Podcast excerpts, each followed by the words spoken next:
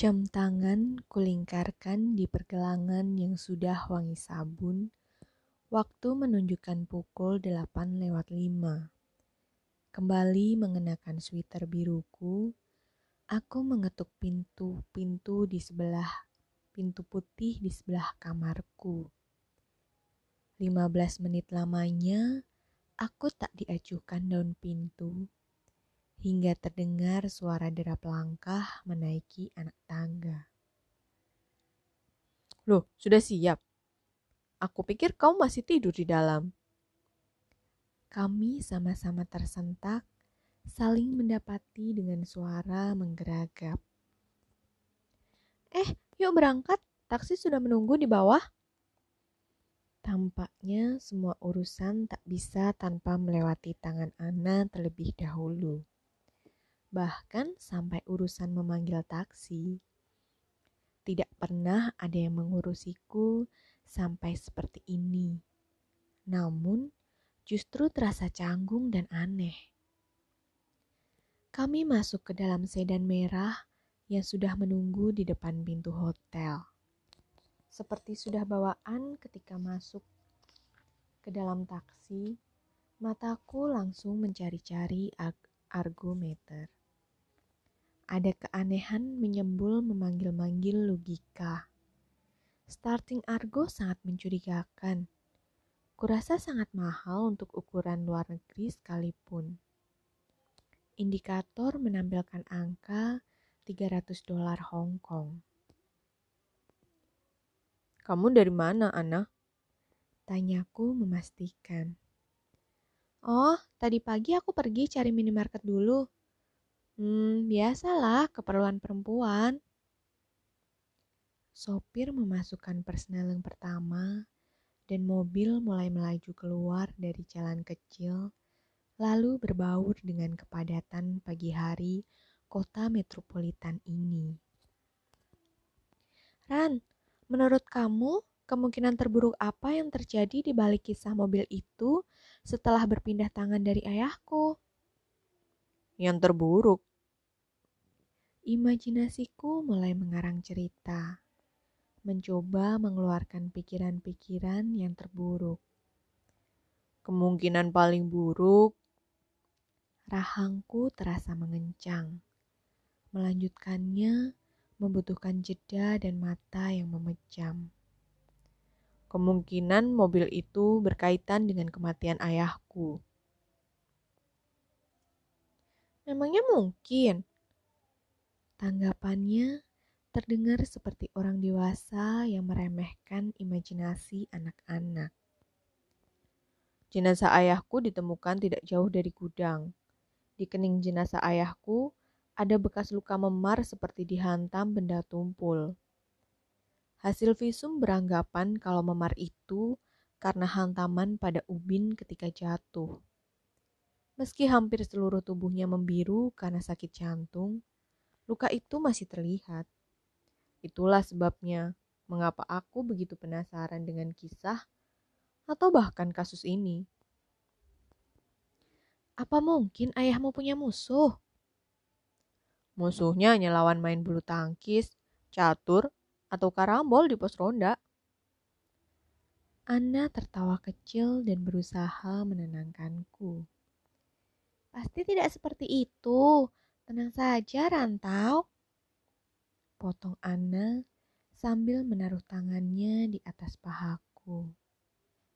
Ia menampilkan senyum yang berusaha memadamkan kecemasanku yang terus berkobar-kobar. Sekar sekarang coba pikir dari sisi positif. Apa kemungkinan terbaik tentang mobil itu? Kemungkinan terbaik ya? Ucap Aku tertahan sambil menarik nafas dalam dan menegakkan kepala. Ia mencoba menggiring pikiranku dari kegelapan melalui tatapan matanya yang berbinar-binar dengan alis yang melayang ke dahi. Tangannya belum bergeser juga dari pahaku. Kemungkinan terbaiknya, mobil itu berada di rumah ayahku karena hanya dititipkan. Yang jelas, aku tidak tahu siapa yang menitipkan. Bisa temannya, bisa juga saudaranya. Mungkin pemiliknya belum mendengar kabar ketika ayahku meninggal. Dan karena kemungkinan itulah aku ingin mencari tahu kepada siapa mobil ini harus dikembalikan. Mendengar cerita sisi cerah dariku, Ana malah kembali pada sisi gelap. Diamnya menimbulkan tanya, pandangannya menjadi kalut. Sesekali ia mengeluarkan telepon genggamnya dan menulis pesan singkat. Perjalanan kami cukup jauh menuju Pulau Hong Kong pulau yang berbeda dengan Kowloon, tetapi masih berdekatan. Taksi mengarah ke puluhan, bahkan ratusan gedung-gedung tinggi penutup cakrawala yang sudah bisa terlihat dari jauh. Irama tinggi gedung semakin tidak beragam karena kebanyakan bangunan berdiri di atas perbukitan. Kami menapakkan kaki di pusat perkantoran bernama Sentral. Keberadaan kami seperti butiran pasir jika dibandingkan dengan gedung-gedung pencakar langit yang berdiri dengan gagahnya beserta jutaan manusia yang berlalu lalang di sini. Aku berjalan di belakang, mengikuti Anna yang berjalan dengan tergesa-gesa. Kepalaku linglung ke segala penjuru di antara gedung-gedung seperti bocah kelimpungan mencari ibu di tengah orang-orang tinggi. Ratusan manusia berbincang Inggris, kanton, atau bahasa lainnya, baik antar muka maupun di telepon genggam. Lama-kelamaan aku mulai muak. Bahasa yang ingin ku dengar sekarang adalah bahasa Indonesia yang menuturkan tentang asal-usul mobil itu. Aku semakin tidak sabar. Sesaat, Ana menghentikan langkah di depan salah satu gedung tertinggi seperti pilar yang menopang langit kota. Pucuknya runcing, berbentuk seperti ujung tombak tentara Kasunanan. Ana langsung membalikkan badannya. Rantau, kamu tunggu di sini dulu ya. Aku tak punya pilihan lain selain mengangguk. Sambil menengadah hingga ke pucuk mahkota gedung yang hampir setinggi awan itu, aku bertanya, "Ayahmu kerja di sini?" Anna mengangguk sekali, sembari menambahkan dengan cepat, "Tunggu sebentar ya." Ia lalu berpaling dan berjalan cepat ke dalam gedung. Sedangkan aku duduk termangu di atas sebuah bangku panjang, memandangi kemegahan sepotong kota ini. Aku sudah seperti cerita Kapten Amerika dalam komik Marvel yang baru terbangun dari zaman Perang Dunia dan kini berada di kota masa depan dengan segala keheranan udik memang. Tetapi aku adalah tipe orang yang jarang bermain di pusat kota. Di Sudirman saja, aku sudah terkagum-kagum dengan gedung yang begitu cepat menjamur. Berkali pandangan kulemparkan kepada jalanan ramai di hadapanku. Mobil-mobil mewah keluaran terbaru dengan kenalpot pamer berseliweran seolah-olah menjadi pemandangan yang biasa di kota ini. Rasa was-was mulai kembali mengetuk kehadirat hati. Tak tergambar yang kurasakan kali ini. Rasaku bimbang antara gulana atau renjana. Senang karena menanti kepastian jawaban atas semua pertanyaan, tetapi tetap kalut jika jawaban itu tidak begitu menyenangkan. Terhitung berapa mobil yang sudah melintasi pandang. Puluhan klakson yang menggaung, Ana tak kunjung bebas dari sekapan gedung itu. Ketika aku melihat jam tangan, Mungkin hampir setengah jam wajahku ditampar debu jalan raya ini. Cukup lama menunggu hingga dihinggapi debu. Untuk kesekian kali pintu kaca gedung terbuka oleh kerumunan orang-orang dengan setelan formal. Mulai kucoba untuk tak menanti. Tetapi kini Ana tampak berjalan lincah hingga membuyarkan kerumunan dan menghampiriku dengan tergesa. Maaf Rantau, lama sekali ya? Tidak apa-apa, aku juga sedang menyiapkan mental. Ayo, ajak Ana menarik tanganku untuk berdiri. Derap sepatuku yang menapak marmer berbaur dengan ratusan lainnya. Aku melintasi interior gedung yang kemegahannya mungkin hanya disediakan bagi insan-insan bergaji puluhan ribu dolar per bulan. Dinding dengan hamparan pualam kuning di sekujur koridor memancar emas diterpa cahaya lampu sorot kuning. Kami terus melewati lobi, berjalan menembus arus para lelaki berdasi. Berjalan terus tanpa bergabung dalam antrean lift menuju ke salah satu kafe di lantai dasar gedung. Coffee shop bernuansa hijau, penjajah kopi puluhan dolar. Mendekati ambang kafe, rasa kalutku berbuah gugup. Apa yang harus kukatakan kepada ayahnya? Bagaimana jika hanya kata-kata sebal yang disampaikan kepadaku? Kuharap setengah jam yang dihabiskan Anna di sini tadi karena menyiapkan atmosfer positif pertemuan kami. Kami terus melangkah ke dalam hingga ke meja paling belakang dengan kursi sofa marun yang merapat ke dinding. Seorang laki-laki berdasi biru dengan jas berkilau terlihat mencolok duduk sendirian. Tangannya sibuk mengolah lembar-lembar kertas di atas meja dengan mimik serius, seperti dokter yang merapikan dokumen-dokumen diagnosis.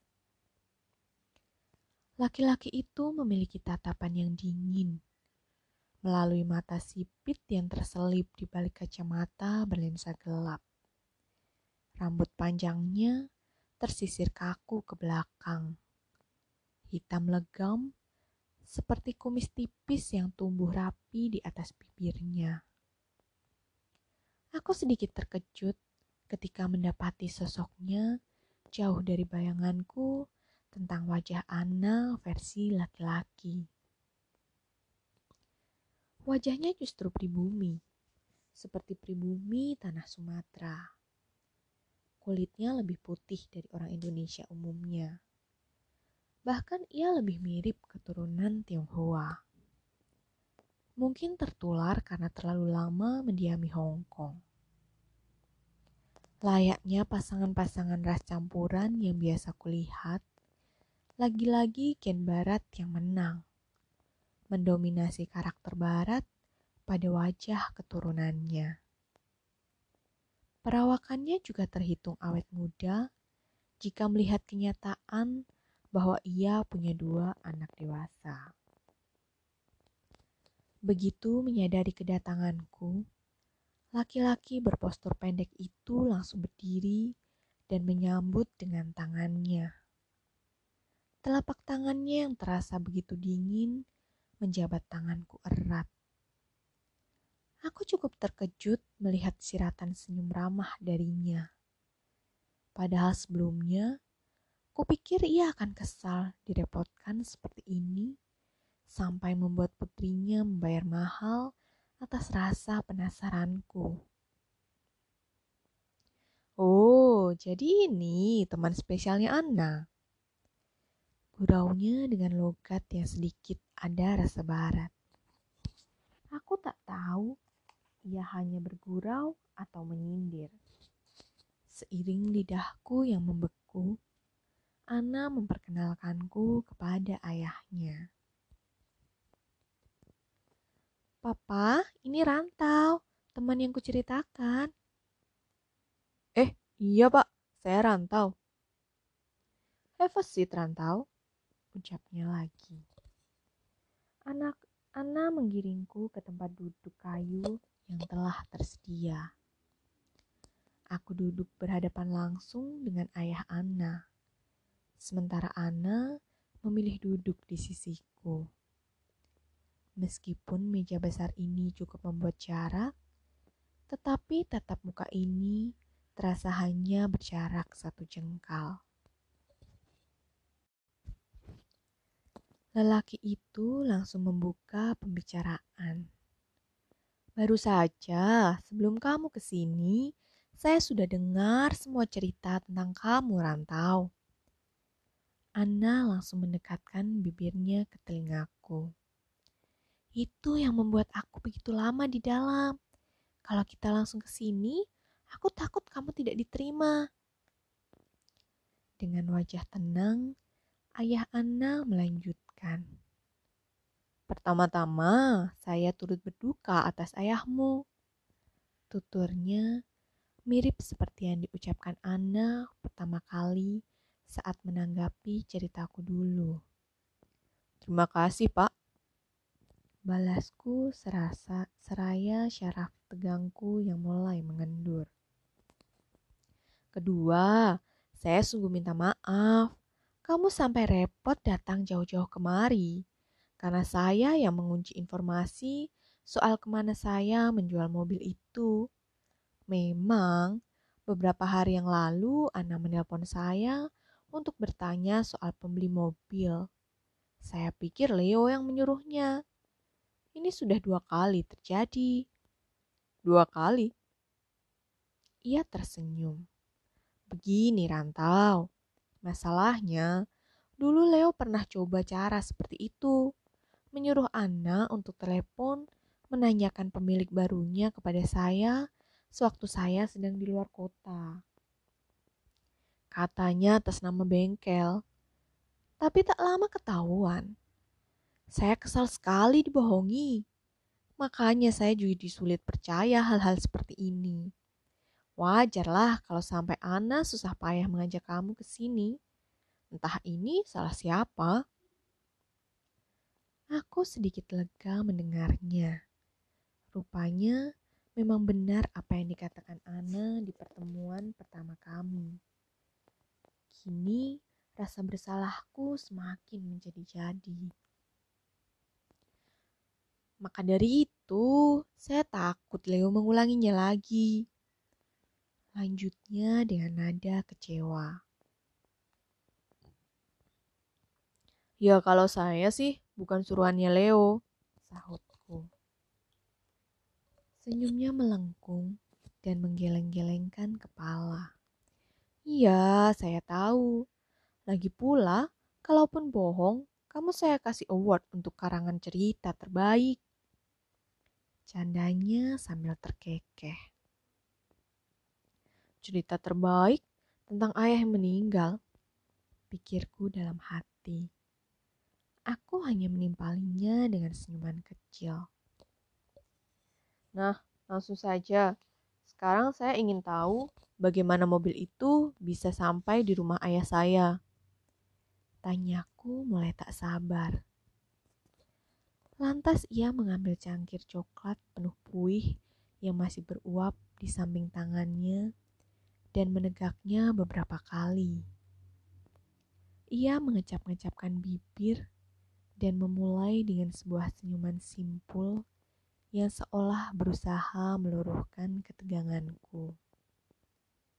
Meskipun ruangan cukup dingin, aku berkeringat gugup menunggu jawaban.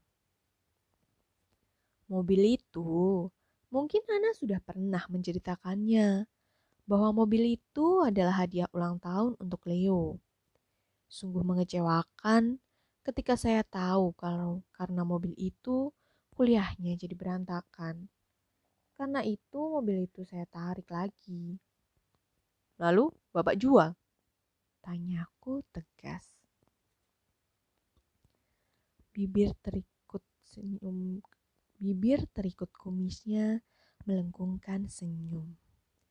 Apa saya terlihat seperti orang yang setika itu kepada anak sendiri? Lalu, bagaimana bisa sampai ke ayah saya? Tanyaku lagi, ingin segera menuju klimaks. Sabar, dengarkan cerita saya dulu. Ucapnya menenangkanku. Maaf pak, maaf. Aku langsung tidak enak hati. Rasa penasaran yang meluap-luap membuatku lupa kepada siapa aku berbicara. Tentu saya tidak akan tega menjual mobil itu. Lagi pula, uangnya mau untuk apa? Mobil itu belum tentu bisa terbeli kalau dicari lagi. Sebenarnya saya hanya mengancam Leo dengan menyita mobil itu. Kalau kuliahnya sudah beres, akan saya kembalikan kepadanya. Ia kembali menarik cangkirnya ke mulut dan menukuk minumannya hingga saat diletakkan lagi tinggal seperempat gelas. Nah, sebab itu mobil itu saya titipkan kepada teman saya yang ada di luar kota. Supaya keberadaan mobil itu tidak mudah terlacak oleh Leo. Saya takut jika Leo mengetahui keberadaan mobil itu, dia akan memaksa untuk membelinya lagi. Lanjutnya, sepertinya tidak ada hal buruk seperti yang kutakutkan selama ini. Aku mengeluarkan senyum tenang pertamaku semenjak aku berada di kota ini. Lalu, bagaimana teman Bapak bisa mengenal ayah saya? Selidiku lagi. Begini, Rantau. Saya menitipkan mobil itu ke teman saya yang tinggal di Bandung. Kebetulan dia penggemar mobil-mobil antik. Mungkin koleksi mobil di rumahnya sudah terlalu banyak. Hingga sudah tidak cukup menampung mobil itu. Jadi waktu itu dia telepon saya. Dia pernah minta maaf kalau mobil itu tidak bisa lagi ditampung di rumahnya. Lalu ia menyarankan saya supaya mobil itu dititipkan di tempat lain. Sayangnya, saya sangat sibuk waktu itu hingga tidak sempat mengurus hal-hal seperti itu. Maka saya serahkan kembali urusan itu kepadanya. Beberapa hari kemudian, teman saya bilang sewaktu dia jogging di dekat rumahnya, ia melihat ada rumah yang cukup besar dan punya garasi kosong. Dan itu sepertinya rumah ayah kamu. Benar, ayah saya memang tidak mengendarai mobil. Timpalku. Teman saya menemui ayahmu dan meminta izin untuk menyewa gudangnya. Jadilah rumah ayah kamu disewa untuk menyimpan mobil itu. Sementara teman saya tidak ambil pusing lagi dengan mobil itu. Sampai-sampai mobil itu teronggok begitu saja dan tidak tahu kalau kayak ayah kamu sudah tiada. Senyumku semakin merekah. Akhirnya kepastian itu telah ku ketahui. Ana ikut tersenyum senang memandangku. Aku tertawa dalam hati, mengingat-ingat kejadian dan pemikiranku kemarin-kemarin. Aku melemaskan tubuh pada sandaran kursi dan menghela nafas panjang. Saya punya bukti pembelian mobil itu, Rantau. Saya percaya, Pak. Saya minta maaf sekali sudah merepotkan Ana. Berarti sudah saatnya saya harus mengembalikan mobil itu. Ucapku menahan malu sambil memainkan ibu jari. Sungguh, saya salut sekali denganmu, nak. Kejujuranmu, sikapmu, Anak saya memang beruntung, tidak salah pilih. Ujarnya dengan campuran tawa. Aku langsung tertegun. Sementara Ana terlihat sekongkol dengan senyum ayahnya. Bukan aku, tapi dia yang memilih. Tambah Ana membuat wajahku semakin memerah. Kalau begitu, nanti biar saya minta orang saya ambil mobil itu untuk diantar ke rumahnya. Ucapnya. Oh, tidak usah, Pak. Nanti biar saya langsung hubungi teman saya yang menyimpan mobil itu. Nanti saya minta dia langsung mengantar mobil itu sekarang juga. Saya paling tidak suka merepotkan nak rantau.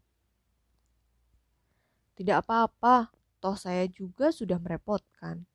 Eh, tapi tunggu. Bukankah kalau saya antar ke rumah, nanti Leo bisa tahu tentang mobil itu? Rencananya, memang mobil itu tidak saya simpan di rumah. Suatu saat akan saya kembalikan kepada Leo jika nilainya sudah membaik. Tapi tidak apa jika mau diantar ke rumah. Anna, kamu atur supaya saat pengantaran Leo tidak di rumah. Nanti biar orang suruhan papa yang langsung ambil. Baik, papa. Menurutku lebih baik mobil itu diantar ke Om Alan yang ada di Surabaya. Balas Anna. Ayah Anna mengeripkan kening lalu teringat kembali. Oh, iya iya, Om Alan. Mungkin memang lebih baik dititipkan di luar kota. Yang penting kamu atur saja. Anna mengangguk cepat, siap mengemban tugas. Laki-laki itu lantas mengeluarkan sebuah buku kecil dari kantung jas bagian dalamnya. Lalu ia mengambil pulpen dari saku kemejanya dan siap menulis di sebuah buku seukuran buku cek. Rantau, berapa biaya yang sudah kamu keluarkan untuk mobil itu? Termasuk uang sewa garasi rumah ayahmu. Ah, tidak usah pak, jawabku langsung. Harusnya saya malah yang ganti semua uang perjalanan saya ke sini. Anggap saja kita impas. Oh, itu sih tetap di charge, candanya. Ah, bapak ini, balasku meringis. Ya sudah, jika butuh apa-apa, kamu tinggal bilang. Yang jelas, saya sudah banyak berutang budi dengan pemuda sebaik kamu, Rantau. Saya kira semuanya sudah jelas. Ada lagi yang ingin kamu sampaikan? Aku bungkam sejenak menimbang sesuatu.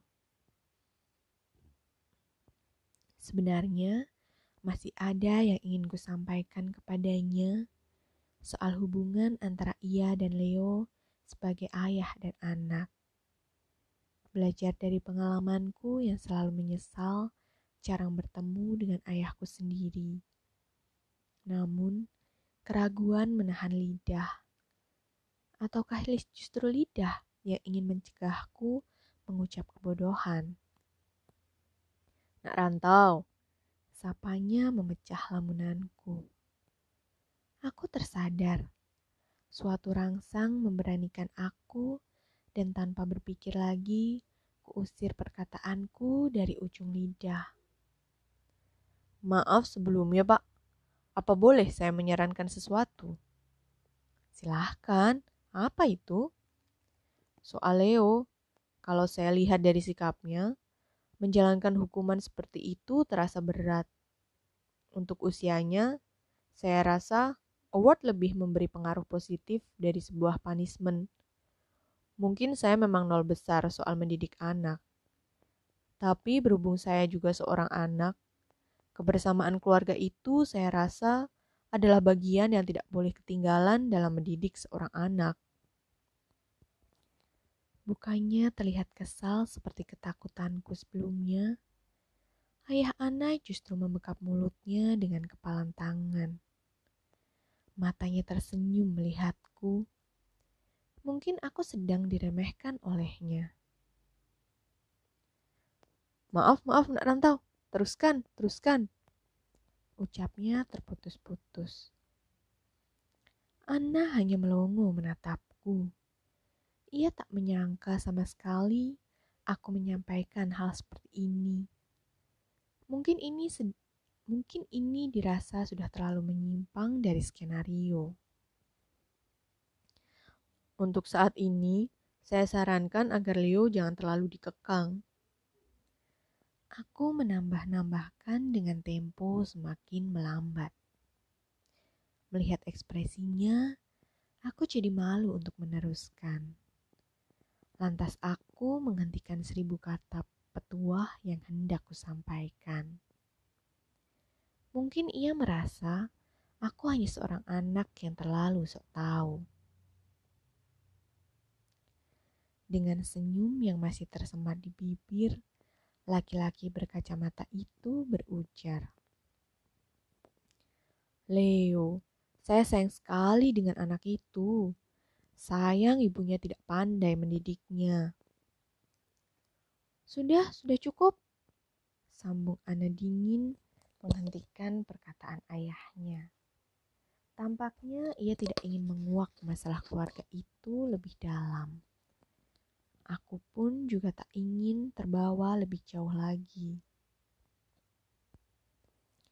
Baiklah kalau begitu, saya mau kembali ke atas. Ada sesuatu yang tidak bisa ditinggal. Kalian sebentar lagi pulang, bukan? Pesawat siang, jawab Anna. Oh, kalau begitu hati-hati di jalan. Rantau, saya titip anak saya. Jaga anak saya seperti kamu menjaga mobil itu. Titahnya. Tak lama, berhubung Hia hendak kembali ke pekerjaannya, Aku menyudahi pertemuanku dengan sang tangan keempat itu. Aku meninggalkan kursi, lalu berjabat tangan. Ana memeluk ayahnya dan mengucapkan kata-kata perpisahan. Rupanya tidak ada sang tangan kelima yang selama ini aku cari-cari. Kelegaan benar-benar mengambil beban dari tempurung kepalaku segala keraguan itu telah menguap. Sekarang yang tersisa hanyalah rasa malu dan rasa bersalah kepada Anna. Seseorang yang selama ini kuperlakukan dengan buruk. Dunia memang benar-benar tidak bisa diduga. Apa yang kita waspadai justru kebenaran, dan yang tak kita sangka-sangka bisa membunuh kita dari belakang kami kembali menyatu dalam arus pejalan kaki di trotoar. Masih di pusat perkantoran yang belum habis. Jalanku tertunduk dengan kedua tanganku yang terselip di dalam saku celana. Pandanganku layaknya sedang menghitung batu-batu penyusun trotoar. Rantau, aku tahu sebenarnya kamu sangat senang dengan mobil itu, tapi kamu benar-benar rela mengembalikan mobil itu? Ucap Anna dengan wajah resah ketika kami berjalan semakin menjauh dari gedung. Aku terbahak dan sesaat menghentikan langkah. Hei, mobil itu memang bukan mobilku. Dengar, untung aku belum sempat memberikan mobil itu kepada orang lain. Hendri, Pranoto, atau bahkan Rusdi. Semua menginginkan mobil itu karena masa lalunya. Sementara Leo, itu untuk masa depannya kan?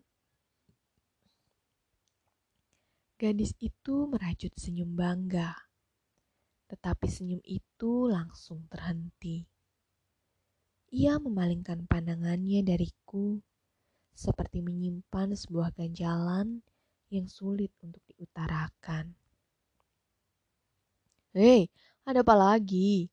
Tenang, pasti mobil itu kekembalikan. Bukan, bukan itu. Ia melangkah lamban dan tatapannya ikut menyorot batu trotoar. Lantas, aku tidak yakin nanti kita akan bertemu lagi. Mengapa? Firasat buruk kah? Iya, liburanku sudah hampir habis. Artinya Ah, Roman lama. Kamu kembali ke Eropa.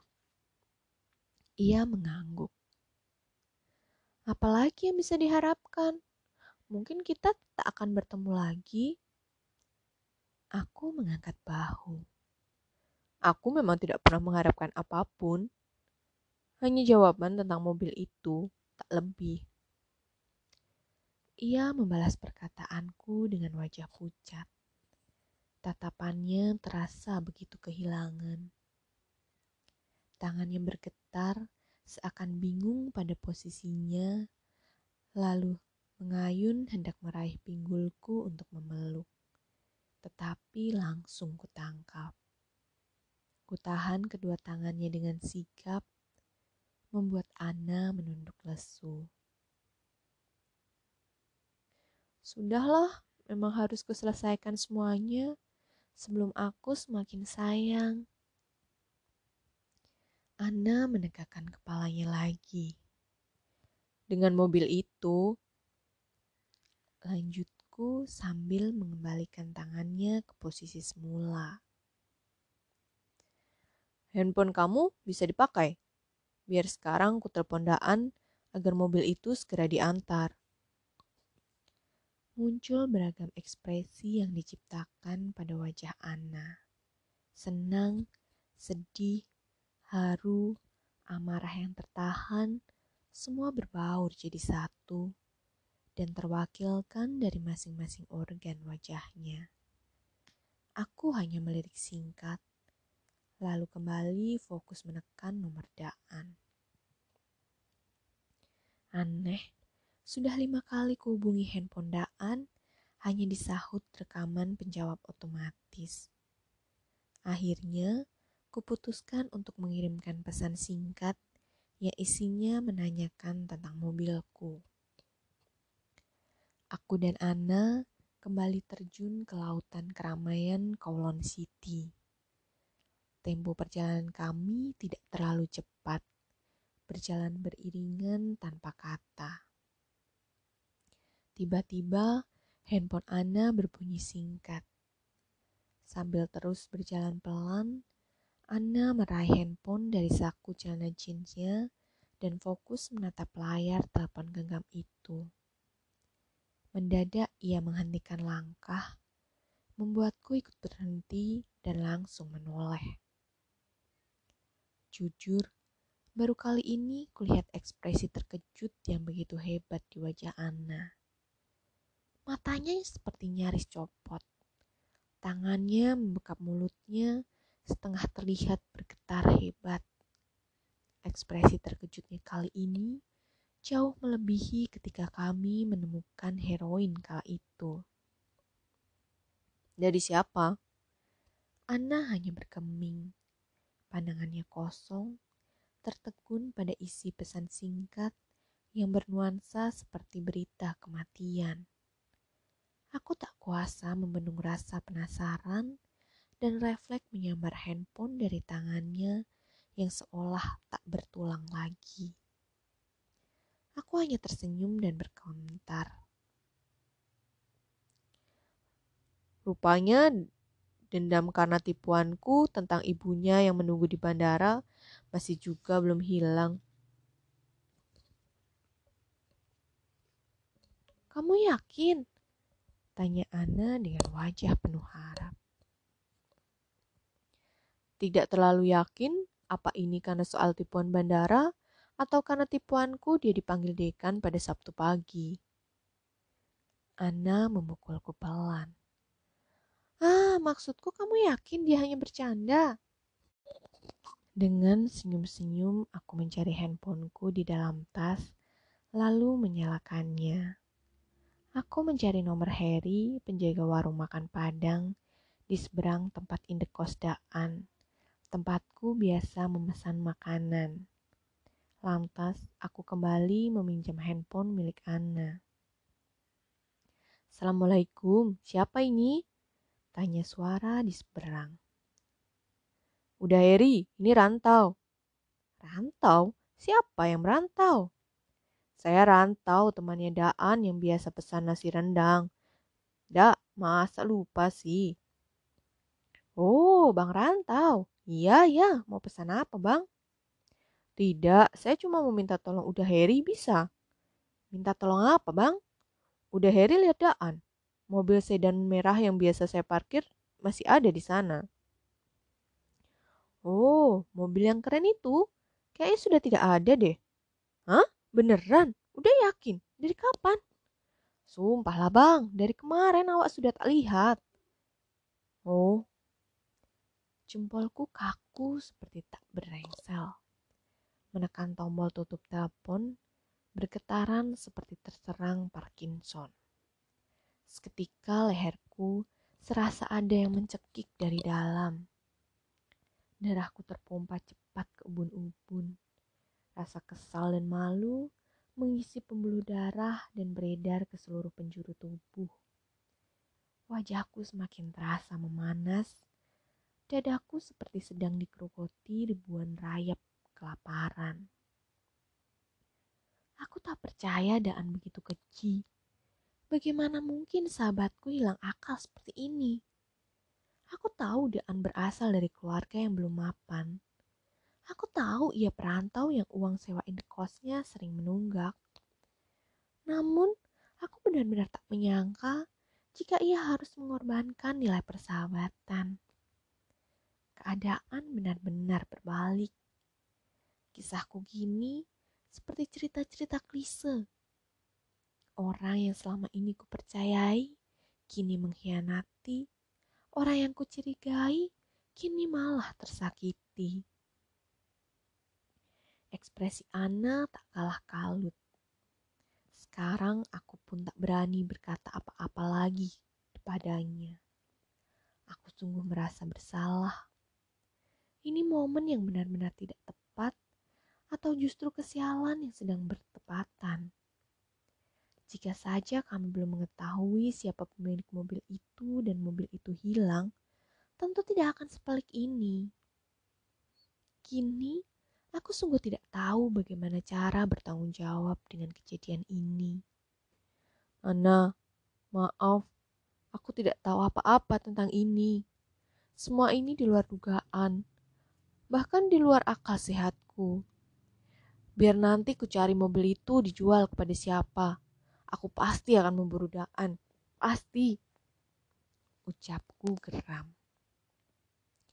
Ana sudah seperti manekin yang terpajang di etalase toko sekitar kami. Tubuh putihnya sepenuhnya diam. Hanya mata merah basahnya berbicara.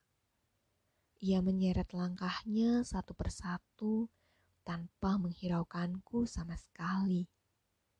Aku perlahan mengikutinya.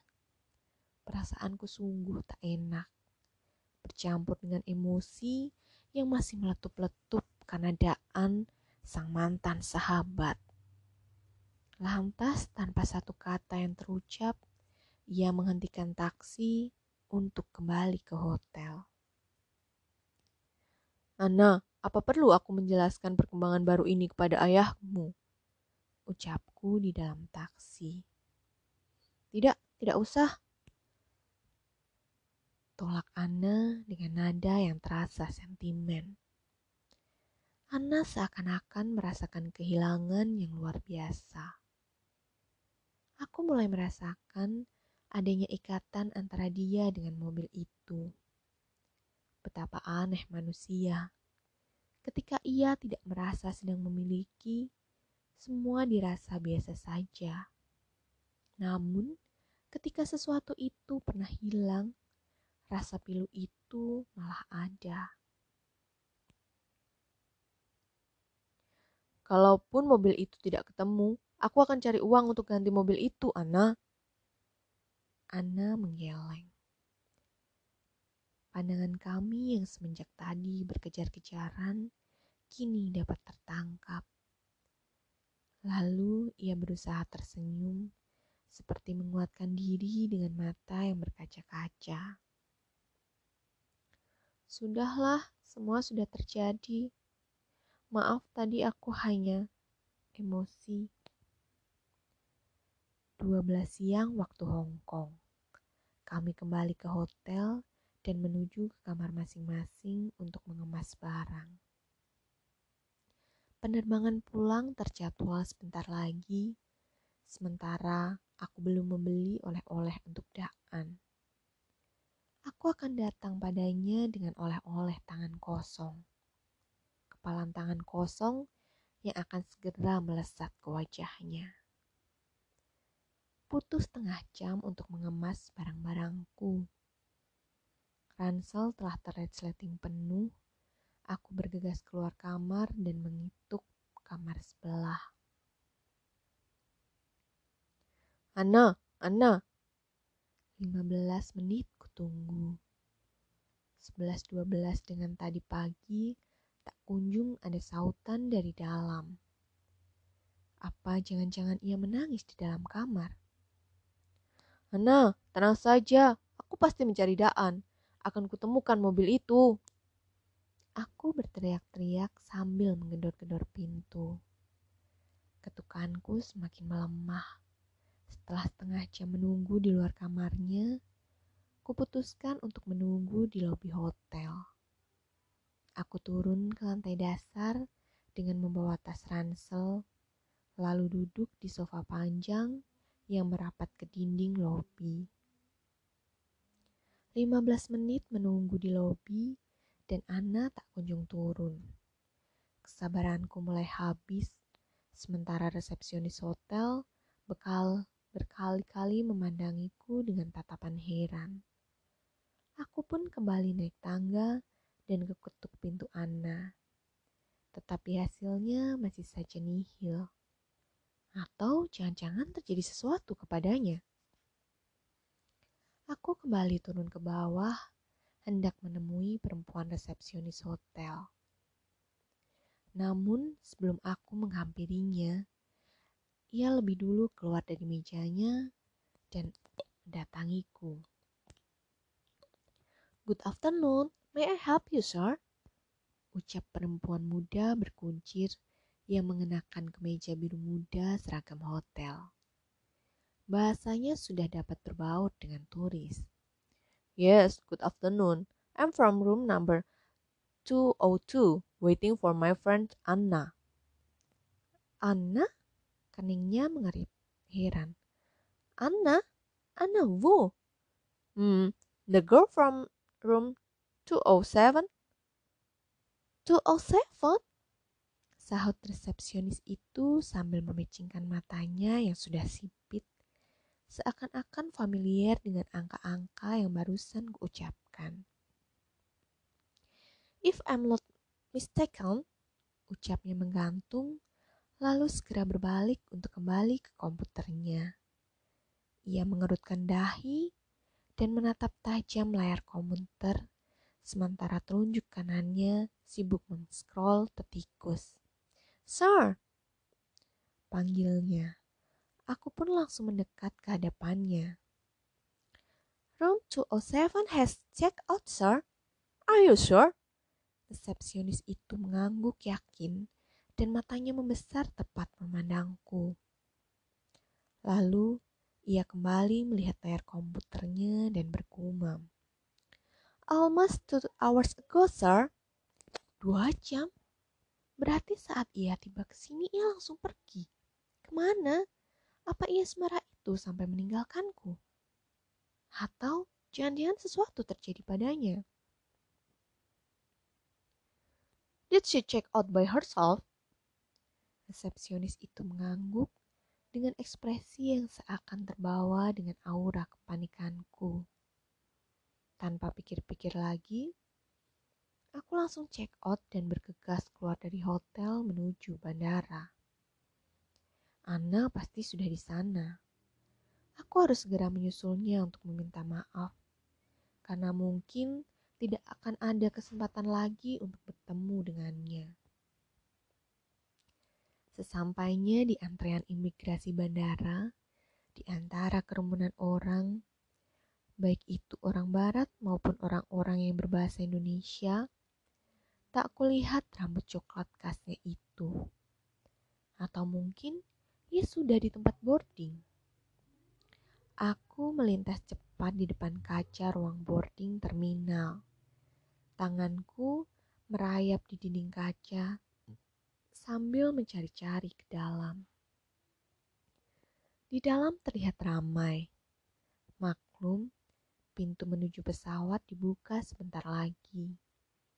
Namun, setelah penumpang di ruangan itu kutilik satu persatu, tidak kutemukan keberadaannya yang biasanya dengan cepat dapat kubedakan dari antara kerumunan. Setidaknya, jika ia tidak mampir, seharusnya ia sudah berada di sini semenjak dua jam yang lalu. Setelah boarding pass dipindai laser, aku memilih duduk di ujung ruang tunggu yang dapat melihat ke segala penjuru. Aku menggoyang-goyangkan kaki dan berulang kali menatap putaran jarum merah pada jam bunda raksasa di dinding bagian atas. Penantianku kini hanya tinggal setengah jam. Ke mana perginya Ana?